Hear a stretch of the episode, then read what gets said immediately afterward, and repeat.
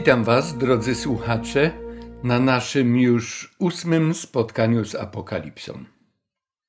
Przystępujemy do studium tej części Księgi Objawienia, która nie jest łatwa ani do zrozumienia, ani do interpretacji jej. Rozdziały 4 do 11 dotyczące pieczęci i trąb sprawiają sporo trudności wielu czytelnikom i badaczom. Podczas uważnego czytania i analizowania poszczególnych opisów wciąż pojawiają się pytania, na które trzeba reagować. Reagować, by lepiej poznać i zrozumieć opisywane tam sceny. Na przestrzeni lat moje zainteresowanie apokalipsą wciąż się pomnaża i gruntuje. Już kiedyś mówiłem na ten temat. Kontakt z opracowaniami chrześcijańskich autorów sprzyja szerokiemu oglądowi rozmaitych podejść do treści tej księgi. Wśród wielu komentatorów tekstu Apokalipsy najbliższym mojego rozumienia tych proroctw jest pogląd doktora Jon Polina, profesora interpretacji Nowego Testamentu Seminarium Teologicznego na Uniwersytecie Andrewsa w Stanach Zjednoczonych. Jego rzetelne i solidne, fundamentalne podejście do Pisma Świętego, a także jego osobisty kontakt z Bogiem bardzo mi pomogły w świeżym spojrzeniu na zbawienie w Jezusie Chrystusie, przedstawione nam przez Boga w ostatniej księdze Pisma Świętego. Podczas różnych międzynarodowych spotkań i konferencji biblijnych, na których służyłem także jako tłumacz wykładów biblijnych profesora Jona Polina, miałem sporo okazji, by to zaobserwować i przeżyć. Dużą inspiracją dla mnie było też uważne wysłuchanie jego The Bible Explorer Series z 1996 roku. Tamto doświadczenie w dużej mierze, obok jeszcze innych czynników, mobilizowało mnie i mobilizuje nadal do przygotowywania tych naszych spotkań z Apokalipsą.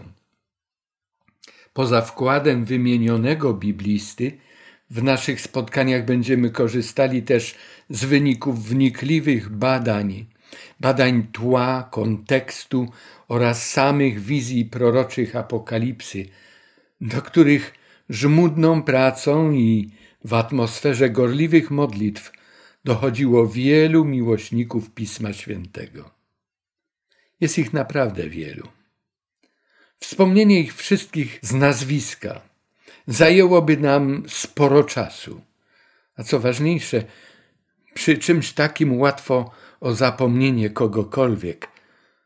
Nie chciałbym tego popełnić, chciałbym się raczej tego ustrzec, dlatego nie przywołuję tutaj tych wszystkich nazwisk. Natomiast szczerze dziękuję Bogu za wszystkich Jego sług, którzy pomogli mi być bliżej mojego Pana i Jego słowa. Lecz pomimo to, że mamy ułatwione nieco zadanie, to i tak czeka nas trudny i mozolny proces, polegający najpierw na osobistym porównywaniu myśli, treści i pojęć biblijnych występujących w Apokalipsie. Będziemy czytać i zastanawiać się nad znaczeniem poznawanej treści zawartej w całych rozdziałach, a także w poszczególnych tekstach. Nagrodą za podjęty trud będzie obserwowanie, jak niby z mgły powoli wyłaniać się będą obrazy scen, scen opisywanych w tej niezwykłej księdze. Jest to wspaniałe i niezwykle nagradzające przeżycie. Obecnie chciałbym Was, drodzy słuchacze, zaprosić do wspólnej modlitwy. Nasz niebiański Ojcze, to już po raz ósmy spotykamy się, aby zastanawiać się i kontemplować nad znaczeniem treści, jakie zawarłeś w tej ostatniej księdze Pisma Świętego. Dziękuję Ci za trud, wysiłek i poświęcenie wszystkich, którzy przed nami jeszcze torowali drogę, wydobywali z Twojego słowa, z tej skarbnicy natchnionych pism, prawdy i przedstawili je nam w taki sposób, że łatwiej nam je rozumieć. Zostaliśmy w ten sposób naprowadzeni, jak gdyby na ścieżkę, na której Ty chcesz nas spotkać i którą chcesz nas poprowadzić.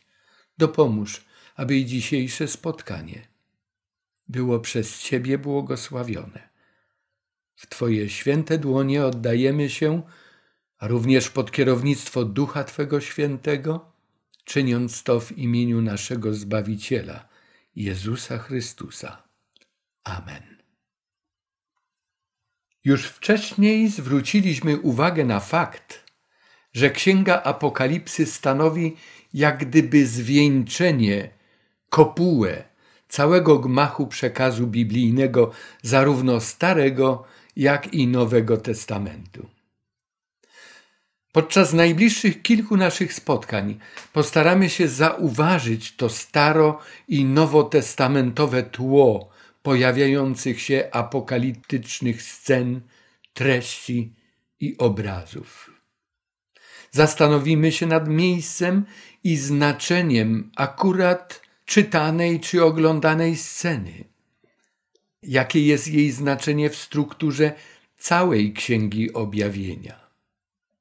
Nasze poznanie i wiarę będziemy budować na trwałym gruncie Słowa Twojego, Boże, a nie na odczuciach, nie na życzeniach, ani swoistej interpretacji aktualnych, często zmieniających się, bieżących, jakże fascynujących nas wydarzeń. Biorąc pod uwagę bliższy i dalszy kontekst danej wypowiedzi, chcemy zajmować się tym, co w niej rzeczywiście zostało zawarte. A uwzględniając specyfikę środowisk, do których kierowane było to przesłanie, będziemy mogli lepiej rozumieć też ważność zastosowania tych treści zarówno w czasie ich powstania, w historii chrześcijaństwa, a także w naszym osobistym życiu, w naszym chodzeniu z Tobą.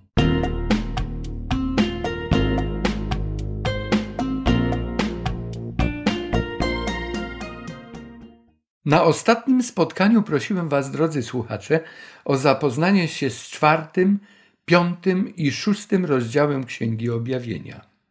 Dzisiaj chcemy skorzystać z tego dobrodziejstwa, jakim jest wcześniejsze poznanie badanego tekstu. Dobrze będzie, jeżeli na początku razem przeczytamy czwarty rozdział Apokalipsy. Potem widziałem, a oto drzwi były otwarte w niebie. I głos poprzedni, który usłyszałem, jakby głos trąby rozmawiającej ze mną, rzekł: Wstąp tutaj, a pokażę ci, co się ma stać potem. I zaraz popadłem w zachwycenie. A oto tron stał w niebie, na tronie zaś siedział ktoś. A ten, który na nim siedział, podobny był z wyglądu do kamienia jaspisowego i karneolowego, a wokoło tronu tęcza, podobna z wyglądu do szmaragdu a wokoło tronu dwadzieścia cztery trony, a na tych tronach siedzących dwudziestu czterech starców, odzianych w białe szaty, a na głowach ich złote korony. A z tronu wychodziły błyskawice i głosy i grzmoty, przed tronem zaś płonęło siedem ognistych pochodni, to jest siedem duchów bożych. Przed tronem także jakby morze szkliste podobne do kryształu, a w pośrodku wokoło tronu cztery postacie pełne oczu z przodu i z tyłu Postać pierwsza była podobna do lwa. Postać druga była podobna do cielca. Postać trzecia miała twarz jakby człowieczą, a postać czwarta podobna była do orła w locie.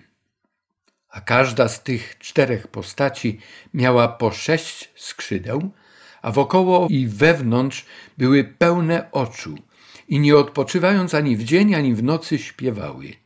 Święty, święty, święty jest Pan, Bóg Wszechmogący, który był i który jest i który ma przyjść. A gdy postacie oddadzą chwałę i cześć, złożą dziękczynienie temu, który siedzi na tronie, który żyje na wieki wieków, upada dwudziestu czterech starców przed tym, który siedzi na tronie i oddaje pokłon temu, który żyje na wieki wieków i składa korony swoje przed tronem, mówiąc: Godzien jesteś, Panie i Boże nasz, przyjąć chwałę i cześć i moc, ponieważ Ty stworzyłeś wszystko i z woli Twojej zostało stworzone i zaistniało. Taka jest treść czwartego rozdziału. Chciałbym zwrócić uwagę Waszą w tej chwili, powołując się na to, że przeczytaliście ten rozdział wcześniej, przed naszym spotkaniem. Chciałbym skierować Waszą uwagę na pewien proces obserwacji, e, na potrzebę uważnego czytania ze zrozumieniem tego czwartego rozdziału. Pomocą będą mi tutaj trzy pytania. Pierwsze. Możecie teraz mieć otworzone Pismo Święte. Czwarty rozdział. W ogóle dobrze, gdy macie je otworzone podczas naszych spotkań. I pierwsze pytanie, które chciałbym Wam zadać, brzmi: jakie kluczowe słowo, albo scena, czy motyw przewija się najczęściej przez cały czwarty rozdział Apokalipsy? Chyba nie powinno być większych kłopotów, jeżeli zadanie było solidnie odrobione, ale idźmy dalej, bo tym słowem jest tron. Słowo to pojawia się 14 razy w tym rozdziale. 13 razy brzmi tron, a w 14 rozdziale jest w zaimku ukryty ten rzeczownik. Wszystko, co Jan widzi, dzieje się wokół, obok, nad tronem. Wszystko koncentruje się na tronie i na tym, co się tam dzieje, na tym, który zajmuje ten tron. Pytanie drugie. Czym jest tron? Co oznacza to słowo? Szczególnie w tym kontekście czwartego rozdziału.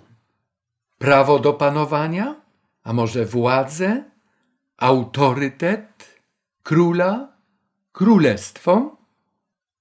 Główną sprawą pojawiającą się tutaj i podkreślaną w czwartym rozdziale to kwestia kto i dlaczego, na jakiej podstawie ma prawo do panowania we wszechświecie.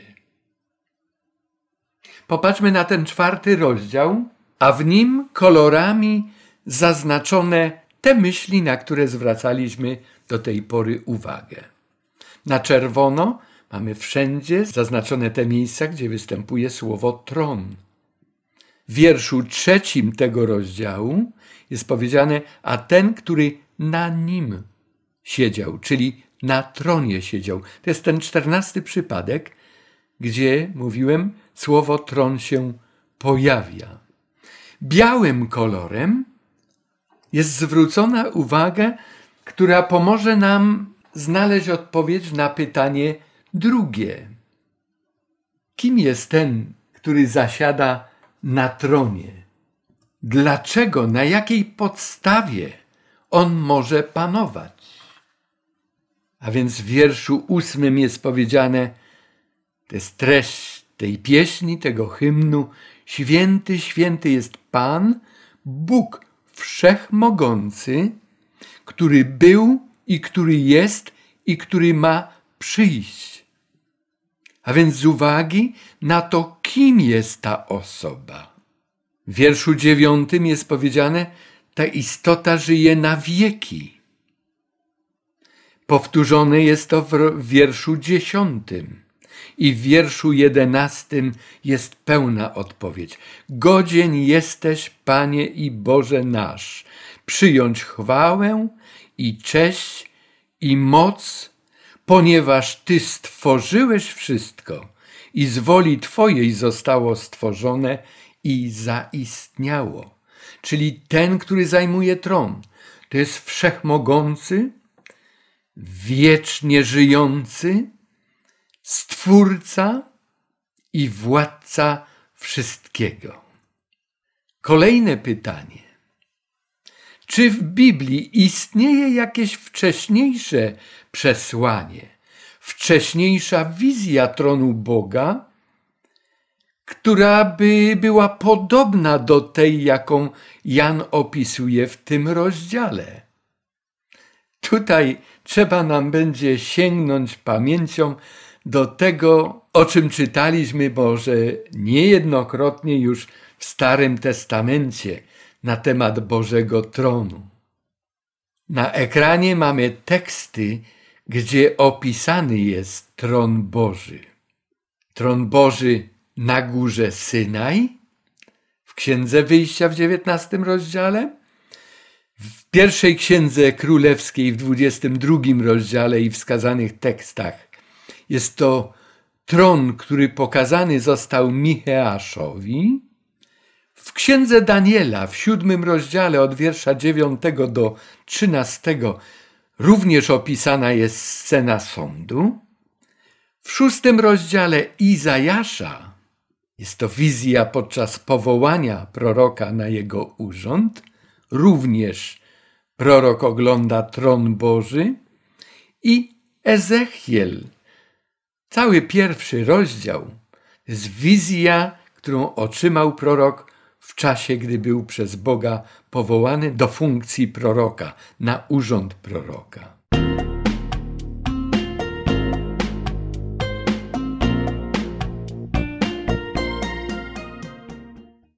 Każdy z tych pięciu tekstów opisuje tron Boga. Cztery razy są to wizje dane w niebie i jeden raz opis tego, jak Bóg stępuje i zajmuje to najważniejsze miejsce na górze Synaj. Jak mówiliśmy w objawieniu, jak w kopule mamy zebrany cały biblijny materiał na temat tronu Bożego. Który z powyższych opisów może stanowić tło dla rozdziału czwartego objawienia? W księdze Ezechiela pierwszy rozdział, gdy przeczytamy, szczególnie te teksty, które wybrałem i wyświetliłem na ekranie, zorientujemy się, że ta wizja jest bardzo podobna do tej, którą ogląda Jan na wyspie Patmos. Występują tam te cztery żywe istoty, cztery postacie, cztery zwierzęta, opisane jest to, co otacza tron Boży, również sam tron. Ktoś, kto zajął się dokładnie analizą tego tekstu i analizą czwartego rozdziału Apokalipsy, stwierdza, że 33% słów w treści czwartego rozdziału Apokalipsy znajdujemy tutaj w Ezechielu w pierwszym rozdziale. Co tak naprawdę oglądamy w rozdziale czwartym? Czy jest to opis jakiegoś konkretnego wydarzenia, które następuje i ono jest pokazane? Czy jest to też może scena ogólnej rzeczywistości, jaka istnieje wokół tronu Bożego, tam w niebie, gdzie On zasiada jako władca całego wszechświata? Popatrzmy na wiersz drugi. I zaraz popadłem w zachwycenie, a oto tron stał w niebie, a na tronie zaś siedział ktoś. Wiersz dziewiąty do jedenastego. A gdy postacie oddadzą chwałę i cześć i złożą dziękczynienie temu, który siedzi na tronie, który żyje na wieki wieków, upada dwudziestu czterech starców przed tym, który siedzi na tronie i oddaje pokłon temu, który żyje na wieki wieków i składa korony swoje przed tronem, mówiąc, godzien jesteś, Panie, Boże nasz, przyjąć chwałę i cześć i moc, ponieważ Ty stworzyłeś wszystko i z woli Twojej zostało stworzone i zaistniało. Wizja więc nie dotyczy jakiegoś konkretnego wydarzenia. Janowi w wizji po prostu pokazano tron w niebie i co się tam w niebie dzieje w związku z istnieniem tam tronu. Jest to scena nieba i tronu Boga i tego, co tam bezustannie trwa bezustannie następuje, bezustannie dzieje się. Konieczność uważnego czytania Biblii, konieczność koncentracji na tym, co zawarte jest w tekście, jest nie do przecenienia. Ważne jest to, abyśmy, gdy czytamy uważnie dany tekst, obojętny jaki tekst, ale szczególnie teksty natchnione, abyśmy nie wprowadzali do nich własnych naszych pojęć. Że coś podczas czytania nam się przypomina i nagle chcielibyśmy tę myśl wtłoczyć w to, czego w danym tekście akurat nie znajdziemy. To moglibyśmy porównać, jak e, profesor Jon Polin mówił, do kursu fotografii, w którym brał udział. Instruktor próbował ukształtować ich tak, aby fotografując zajmowali się określonym tematem. I na danych zajęciach były tematy albo twarze, twarze ludzkie, różnych ludzi, ale nic innego, tylko twarze. Albo drzewa, albo kwiaty, albo woda, całej rozmaitości i wszędzie, gdziekolwiek się znaleźli. Chodziło temu instruktorowi o wyostrzenie zmysłu zauważania tego, czego normalnie się nie widzi, nie zauważa. Chodzi o ukształtowanie u siebie umiejętności obserwacji zdarzeń i treści, skupienia się na nich dokładny ogląd. Podobnie czytając dany tekst, uczmy się zauważania w tym tekście tego, czego nie da się zaobserwować przy pobieżnym czytaniu. Czytajmy go wielokrotnie i zauważymy, że za każdym razem zobaczymy coś więcej, czego nie widzieliśmy poprzednio. Po jakimś czasie zaczniemy więcej spostrzegać, więcej zauważać, więcej kojarzyć i rozumieć. Tak będziemy kształtować biblijne myślenie. Kształtować, powtarzam, spostrzegać, zauważać, kojarzyć to, co jest w tekście, cośmy wyczytali, a nie to, co w naszej głowie już się znajduje czasem, zanim przystępujemy do czytania. Ważne jest, aby zwracać uwagę na kluczowe postacie, na słowa, na wyrażenia, na czas i miejsce danej akcji, aby nauczyć się odróżniać sceny ogólne od scen szczegółowych. Opisy generalne od opisów związanych z jakimś konkretnym działaniem.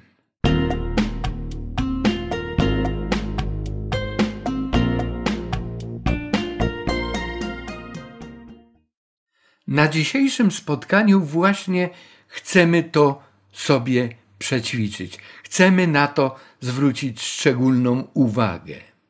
I w tym celu czytać będziemy teraz piąty rozdział. I znowu podobne pytania zadam Wam po przeczytaniu tego rozdziału. A więc czytam piąty rozdział. Widziałem w prawej dłoni tego, który siedział na tronie, księgę, zapisaną wewnątrz i zewnątrz, zapieczętowaną siedmioma pieczęciami. Widziałem też anioła potężnego, który wołał głosem donośnym: Któż jest godny otworzyć księgę i zerwać jej pieczęcie? I nikt w niebie ani na ziemi, ani pod ziemią nie mógł otworzyć księgi, ani do niej wejrzeć. I płakałem bardzo, że nie znalazł się nikt godny otworzyć księgę, ani do niej wejrzeć. Jeden ze starców rzecze do mnie: Nie płacz. Zwyciężył lew z pokolenia Judy, korzeń Dawidowy, i może otworzyć księgę i zerwać siedem jej pieczęci. I widziałem pośrodku między tronem a czterema postaciami i pośród starców stojącego baranka jakby zabitego, który miał siedem rogów i siedmioro oczu, a to jest siedem duchów bożych zesłanych na całą ziemię. I przystąpił i wziął księgę z prawej ręki tego, który siedział na tronie. A gdy ją wziął, upadły przed barankiem cztery postacie i dwudziestu czterech starców, a każdy z nich miał harfę i złotą czaszę pełną wonności. Są to modlitwy świętych. I zaśpiewali nową pieśń tej treści – Godzien jesteś wziąć księgę i zdjąć jej pieczęcie, ponieważ zostałeś zabity i odkupiłeś dla Boga krwią swoją ludzi z każdego plemienia i języka i ludu i narodu. I uczyniłeś z nich dla Boga naszego ród królewski i kapłanów i będą królować na ziemi.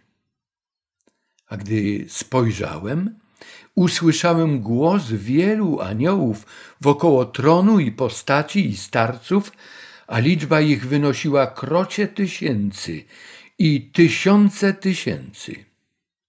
I mówili głosem donośnym: Godzien jest ten baranek zabity wziąć moc i bogactwo, i mądrość, i siłę, i cześć, i chwałę, i błogosławieństwo.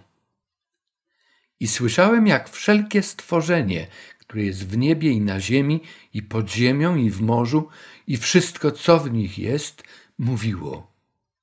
Temu, który siedzi na tronie, i barankowi, błogosławieństwo, cześć i chwała i moc na wieki wieków. A cztery postacie mówiły Amen. Starcy zaś upadli i oddali pokłon. Pytania do tekstu. Czy treść Apokalipsy piątego rozdziału dotyczy jakiegoś szczególnego czasu czy wydarzenia? Czy jest to opis ogólny, tak jak to było w czwartym rozdziale? Pomyślmy chwilę nad tym. Mamy tutaj do czynienia z określonym wydarzeniem. Z wydarzeniem, które moglibyśmy nazwać wydarzeniem kryzysowym. W niebie daje się zauważyć ogólne poruszenie, jakiś niepokój. Na czym polega problem? W ręce siedzącego na tronie jest księga, księga zapieczętowana. Kto ją otworzy? Kto może ją otworzyć? To jest kluczowy temat tego rozdziału. Poszukiwanie, oczekiwanie na kogoś godnego, by wziąć księgę, by zerwać jej pieczęcie. Inne ważne wątki, które znajdują się w piątym rozdziale, to sama ta księga. To lew, baranek. To godność jako kwalifikacja do wzięcia księgi i otwarcia pieczęci, a w efekcie zajęcia miejsca na tronie. Określenie godzin pojawiło się już w tekście czwartego rozdziału w wierszu jedenastym. Tam słyszeliśmy słowa tego hymnu Godzien jesteś, Panie Boże nasz, przyjąć chwałę i cześć i moc, ponieważ Ty stworzyłeś wszystko i z woli Twojej zostało stworzone i zaistniało. Tutaj to określenie godzien pojawia się z uwagi na to, czego dokonał baranek. Pozostaje nam jeszcze określenie czasu, kiedy te wydarzenia miały miejsce. Również i to wydarzenie wokół tronu Bożego ma swoje tło w Starym Testamencie.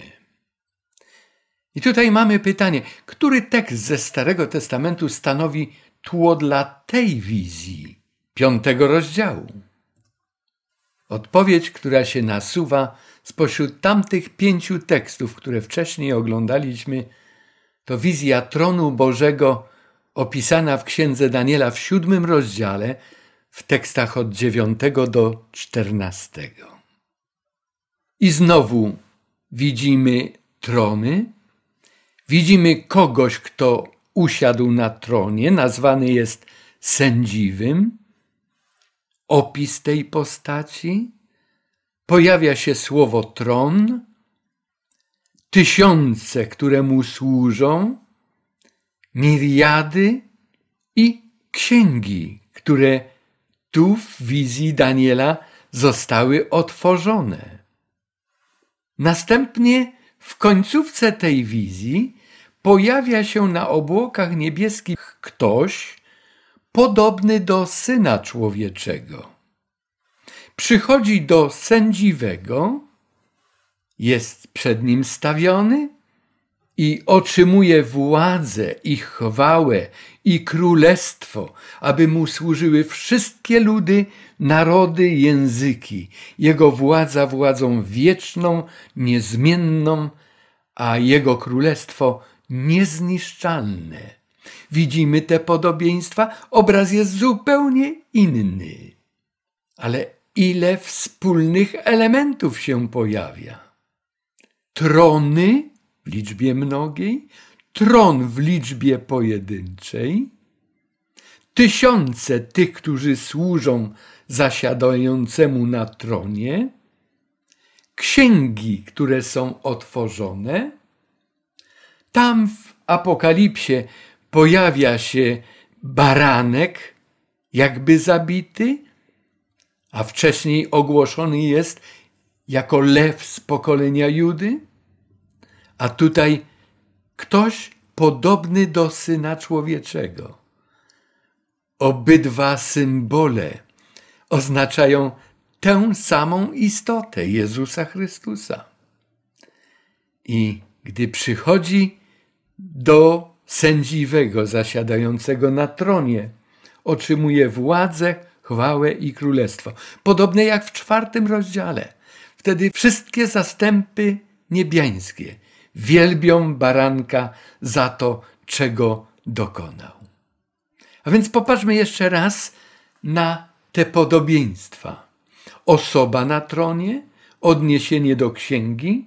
Po przedstawieniu pierwszej pojawia się druga istota boska. Ta druga istota otrzymuje panowanie i władzę od tej pierwszej, a temu wszystkiemu towarzyszą święte istoty i miliady aniołów.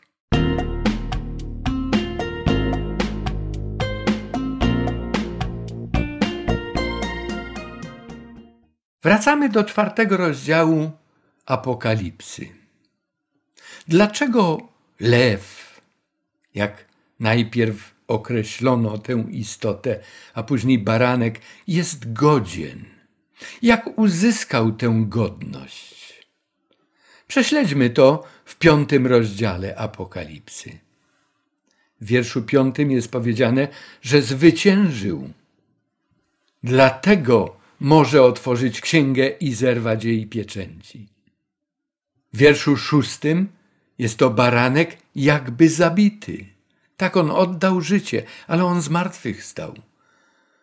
Ale ta śmierć jego ma olbrzymie znaczenie dla wszystkiego, co dziać się będzie w całym wszechświecie, również u tronu Bożego i również na tej ziemi. Wiersz dziewiąty mówi: Godzien jesteś wziąć księgę i zdjąć jej pieczęcie, ponieważ zostałeś zabity. Tę myśl mieliśmy już wcześniej, ale kolejna. I odkupiłeś dla Boga krwią swoją ludzi. Jest to lew, baranek, odkupiciel. Godzien jest ten baranek, czytamy w wierszu dwunastym. Baranek zabity wziąć moc, bogactwo, mądrość, siłę, cześć, chwałę i błogosławieństwo. Tutaj już jest adorowany jako istota boska. I w wierszu trzynastym zrównany na tronie z Ojcem. Temu, który siedzi na tronie i barankowi. Błogosławieństwo, cześć i chwała i moc na wieki wieków. Przeanalizujmy ten zapis z piątego rozdziału, jeszcze raz wyjęty z tekstu.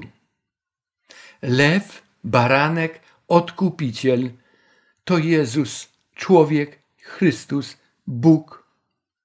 Jako istota ludzka i boska zasiada razem z Ojcem na tronie wszechświata. Lew z pokolenia Judy jest ten zapowiadany przez proroków król Izraela. Tutaj ukazany jest jako baranek, ale korzeń Dawidowy. Jest on kimś szczególnym. W czwartym i piątym rozdziale spotykamy się z wieloma hymnami wznoszonymi dla uwielbienia istot, dla których są śpiewane istoty wielbione. Czwarty rozdział, wiersz ósmy, to jest Pan, Bóg Wszechmogący. W wierszu jedenastym czwartego rozdziału to jest Stworzyciel wszystkiego. W piątym rozdziale wielbiony jest baranek zabity, dlatego że odkupił i zbawił ludzi. W dwunastym wierszu, jako baranek zabity, który godzien jest wziąć moc, chwałę, uwielbienie i tak dalej, i tak dalej. A w wierszu trzynastym piątego rozdziału jest suma, jest to crescendo temu, który siedzi na tronie i barankowi. Błogosławieństwo, cześć, chwała i moc na wieki wieków. W czwartym rozdziale, w wierszu jedenastym, wielbiony jest Bóg jako stworzyciel, a tutaj jest wielbiony odkupiciel rodzaju ludzkiego i Stwórca razem zajmują ten tron. Plan zbawienia człowieka jest realizowany. Cena została zapłacona. Dlatego całe niebo wielbi za to te istoty boskie. Pierwsze dwa hymny wielbią siedzącego na tronie. Kolejne dwa wielbią baranka. Piąty hymn jest wzniesiony dla obu zasiadających na tronie. Jest to dynamiczna akcja opisana w rozdziałach czwartym i piątym. Ona się rozwija i narasta do chwili, gdy ojciec i syn razem zasiadają na tronie wszechświata. Popatrzmy jeszcze raz na te pięć pochwalnych hymnów. Kto je wznosi, kto je śpiewa? W lewej kolumnie mamy te pięć hymnów, a po prawej będą istoty, które wznoszą te hymny. Pierwszą pieśń śpiewają cztery żywe istoty. Drugą dwudziestu czterech starców. Piątym rozdziale pierwszą pieśń śpiewają cztery żywe istoty i dwudziestu czterech starców. A więc popatrzmy, ten chór się pomnaża. Jest coraz więcej w nim istot. Kolejna pieśń śpiewają cztery żywe istoty, dwudziestu czterech starców i miriady aniołów, tysiące i tysiące tysięcy. A ostatni hymn śpiewają wszelkie istoty zamieszkujące niebo, ziemię i cały wszechświat. To jest coś cudownego. Jak gdyby od piano, pianissimo, aż do mezza forte. I ten wielki finał. Wszystko zmierza do tego wielkiego finału, jakim jest zajęcie najwyższego miejsca należnego barankowi wraz z Ojcem na tronie. Mieszkańcy nieba witają na nowo swojego Pana, który kiedyś opuścił to miejsce, by udać się na ziemię, by tam jako baranek Boży oddać życie za grzesznych ludzi, by przywrócić ich do godności ludzi przywrócić do godności dzieci Bożych. Po zwycięskim, bezgrzesznym życiu, po śmierci zastępczej, po spełnieniu na ziemi misji Syna Bożego, wraca on do domu, wraca do swego Ojca, wraca jako bohater, by znowu razem ze swym Ojcem zasiąść na tronie wszechświata. A teraz będziemy chcieli przeczytać szósty rozdział Księgi Objawienia. Czytam go. I widziałem, jak baranek zdjął pierwszą z siedmiu pieczęci i usłyszałem głos jednej z czterech postaci, donośny jak grzmot, mówiący chodź. I widziałem, a oto biały koń. Ten zaś, który siedział na nim, miał łuk, dano mu koronę i wyruszył jako zwycięzca, aby dalej zwyciężać. A gdy zdjął drugą pieczęć, usłyszałem, jak druga postać mówiła: Chodź. I wyszedł drugi koń, barwy ognistej, a temu, który siedział na nim, dano moc zakłócić pokój na ziemi, tak aby mieszkańcy jej zabijali się nawzajem. I dano mu wielki miecz. A gdy zdjął trzecią pieczęć, usłyszałem, jak trzecia postać mówiła: Chodź. I widziałem, a oto koń kary. Ten zaś, który siedział na nim, miał wagę w ręce swojej.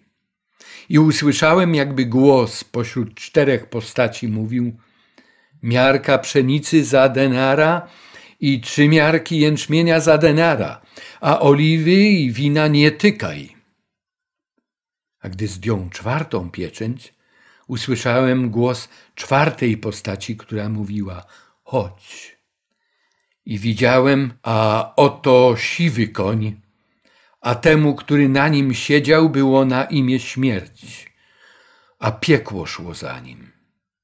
I dano im władzę nad czwartą częścią ziemi, by zabijali mieczem i głodem i morem i przez dzikie zwierzęta ziemi a gdy zdjął piątą pieczęć, widziałem poniżej ołtarza dusze zabitych dla Słowa Bożego i dla świadectwa, które złożyli.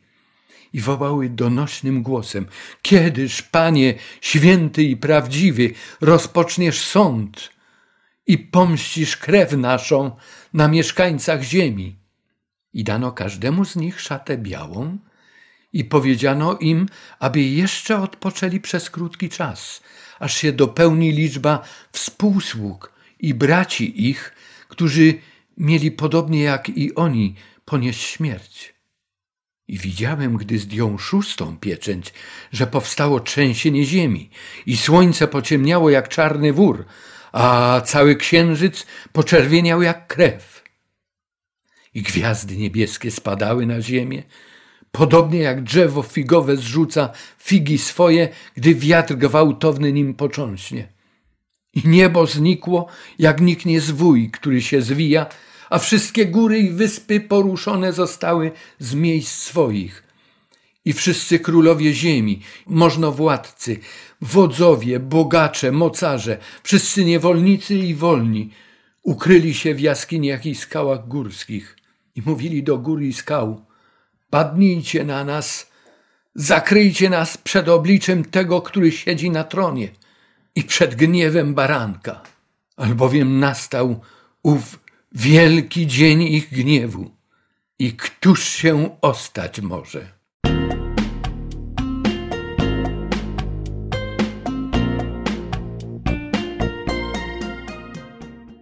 Popatrzmy tak szeroko na szósty rozdział, który oparty jest na akcji ukazanej nam w rozdziale piątym. W szóstym rozdziale oglądamy konsekwencje zdejmowania kolejnych pieczęci celem otwarcia księgi.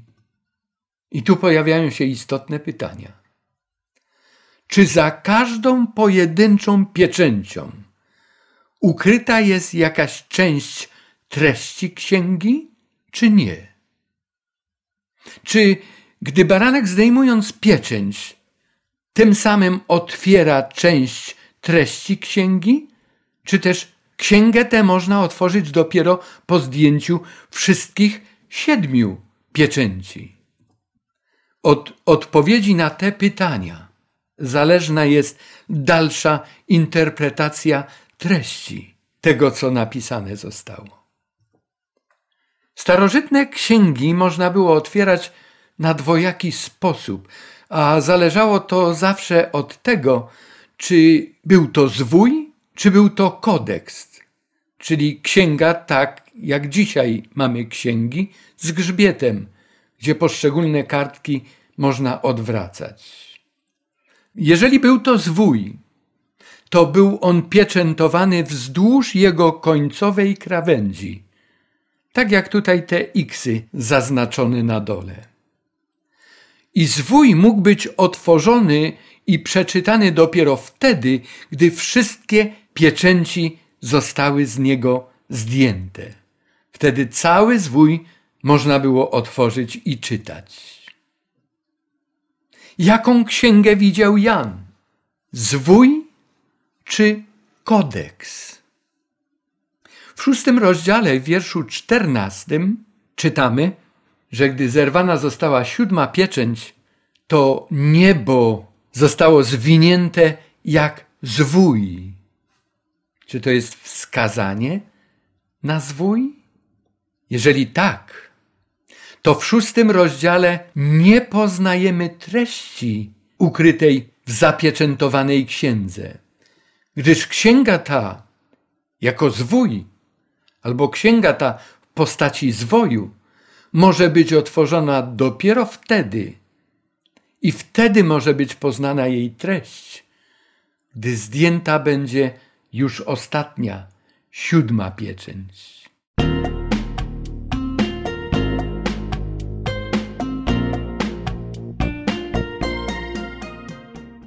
Czy wydarzenia dziejące się przy odpieczętowywaniu księgi następują w niebie czy na ziemi?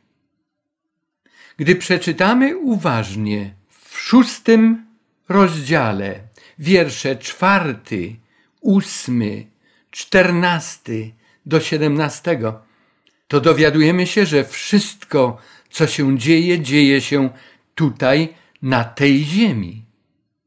Jak i czym kończy się szósty rozdział?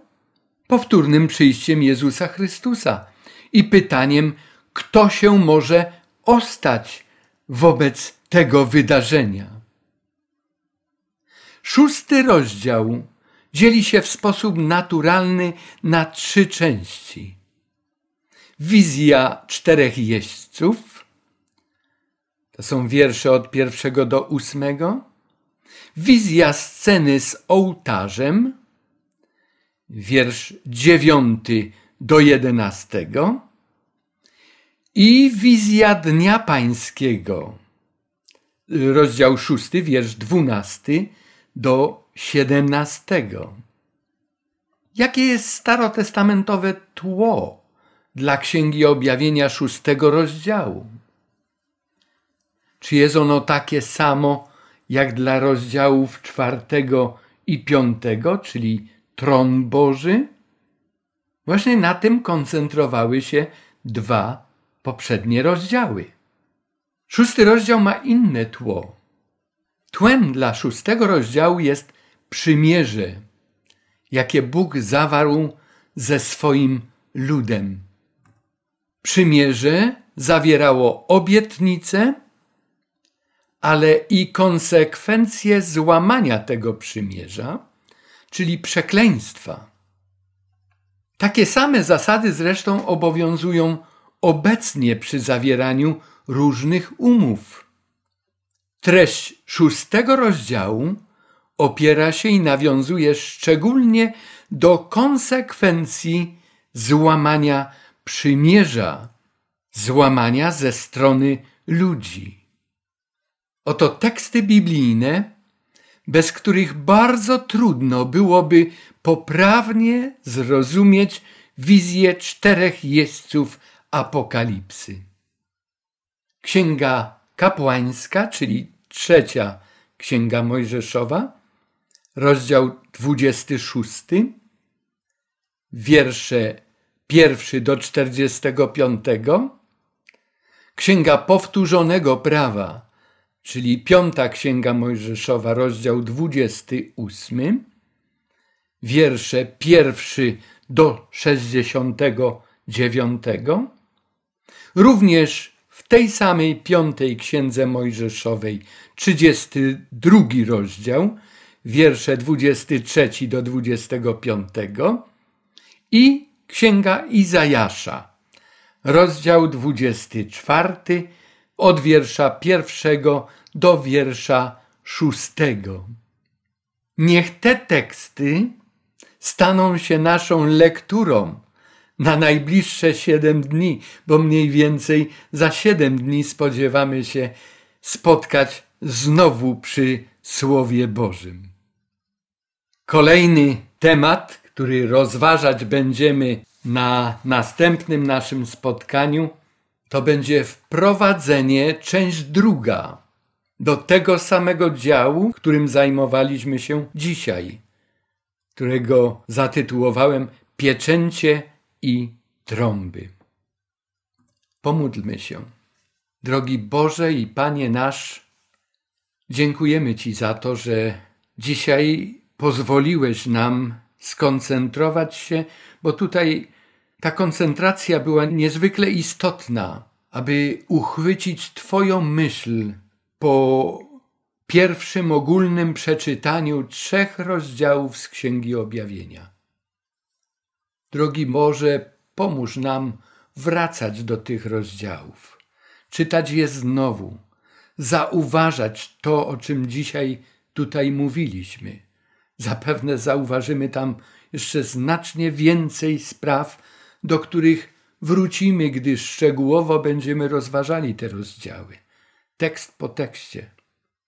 Boże, przyjm chwałę, cześć i uwielbienie, której godzien jesteś, dlatego że Ty stworzyłeś wszystko. Wielbimy również naszego Zbawiciela za to, że jest naszym odkupicielem, że jest godzien wejrzeć w historię, wejrzeć w księgi, w Twój zapis, dlatego że oddał swoje życie za nas. Niech Twój pokój będzie z nami. Proszę, aby Twoje błogosławieństwo towarzyszyło każdemu, kto pragnie naśladować Ciebie i podążyć za Twoimi radami w swoim codziennym życiu. Proszę o błogosławieństwo dla rodzin, każdego z nas, który bierze, czy która bierze udział w tej modlitwie, dla naszych najbliższych. Dziękujemy Ci, bo wszystko, co mamy, mamy od Ciebie. Bądź uwielbiony, Panie nasz. W Synu Twoim, Jezusie Chrystusie, naszym Panu i Zbawicielu. Amen. Do miłego usłyszenia, drodzy słuchacze, za tydzień.